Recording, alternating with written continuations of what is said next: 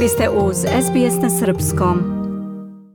If you've ever had to wash your dishes before, let's say I'm going to take my dishes out of the sink and it's got some grease on there, you know that to get this grease off, what you're going to do is take dish soap and rinse it with water and that's going to break the Slušajte doktorku Michelle Dixon, naučnicu sa Novog Zelanda, kako objašnjava deci kako nas pranje ruku štiti od virusa poput korone. Kao primer je navela pranje zamašćenih sudova koji se ne mogu oprati samo vodom, već je potrebno koristiti i deterđent i sunđer i dobro istrljati prljave tanjire. Dr. Dixon je prošle nedelje bila deo specijalne konferencije za medije koju je predvodila premijerka Novog Zelanda Jacinda Ardern, na kojoj je govorila o načinima da se pandemija na što bolji način objasni i približi dečijem razumevanju. U Australiji stručnjaci za mentalno zdravlje rekli su da roditelji mogu uraditi dosta toga da spreče anksioznost kod dece kada je u pitanju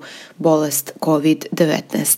Profesor Jenny Hudson, direktor Centra za emocionalno zdravlje pri psihološkom fakultetu Macquarie univerziteta, rekla je da glavna stvar koju roditelji mogu da primene jeste smireno ponašanje u kući, jer deca svoje ideje o društvenom ponašanju stiču kod kuće. Profesor Hudson kaže da ima mnogo načina da se s decom razgovara o pandemiji, a prvi korak je da roditelji pitaju dete šta oni znaju i kako je njihovo razumevanje virusa. I think it's about you know working out what they know already and asking them. So you know, tell me about what is what is it that you know about the coronavirus? What what do you know already? And then that gives parents a really good idea. Bitno je otkriti šta dete već zna ili misli da zna pre nego što mu date nove informacije.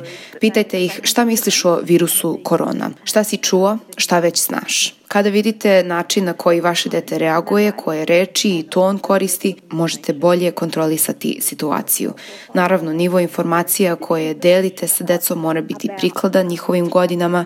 Detetu od 5 godina je potrebna samo informacija o pranju ruku, kada ih peru, koliko dugo, te da im naglasite da je to vrlo važna stvar, ali morate voditi računa da ih ne uspaničite. Profesor Hudson kaže da se sa decom mora ozbiljno i realno popričati, a naročito mlađoj deci treba objasniti da su mere društvenog distanciranja kratkoročne i da to neće trajati kroz ceo njihov život.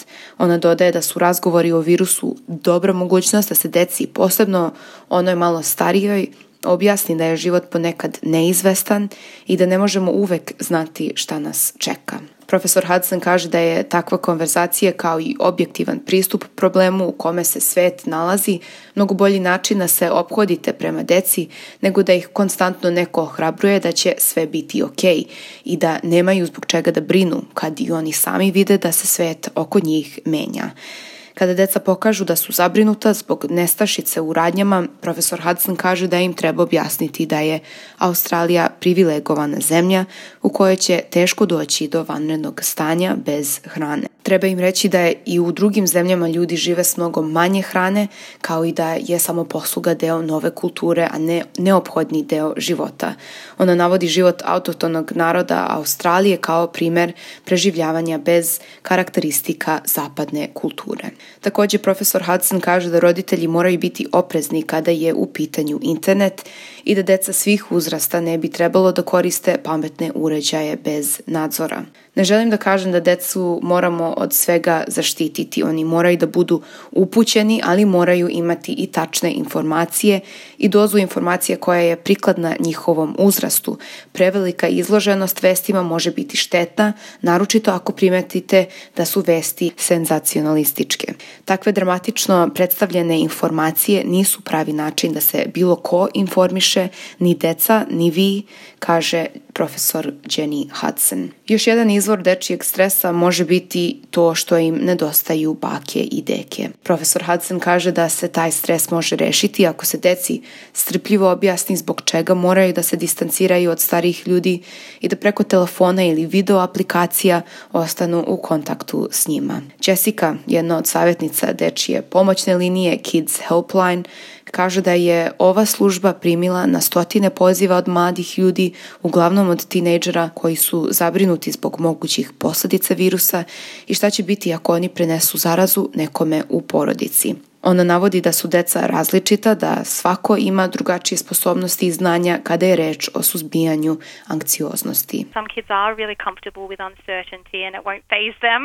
it's almost like they won't notice what's going on around them, but then there's definitely those um, children who you will notice a change in their behavior. Neki ljudi su dosta samouvereni, njih ne plaši neizvesna situacija i oni većinom neće ni primetiti paniku koja ih okružuje.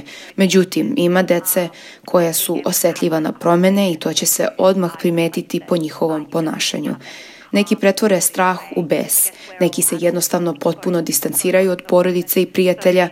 Kao odrasle osobe mi imamo odgovornost da prepoznamo to ponašanje i da na smireni način razgovaramo s detetom, da mu objasnimo situaciju i pružimo podršku. Moramo pratiti reagovanje i ponašanje naše dece kako bismo se prilagodili njihovim potrebama.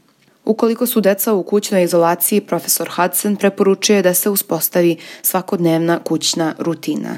Detetu treba da bude jasno kada je vreme za šta, kad može da se igra, kada da čita, kada treba da se odmara i naravno koliko dugo vremena provode ispred ekrana. Deca koja su kod kuće i ne idu u školu trebalo bi da prate nastavu na sličan način kao i u školi, na primjer dva časa pa onda mala pauza, pa još dva časa i onda pauza za ručak, objašnjavaju stručnjaci.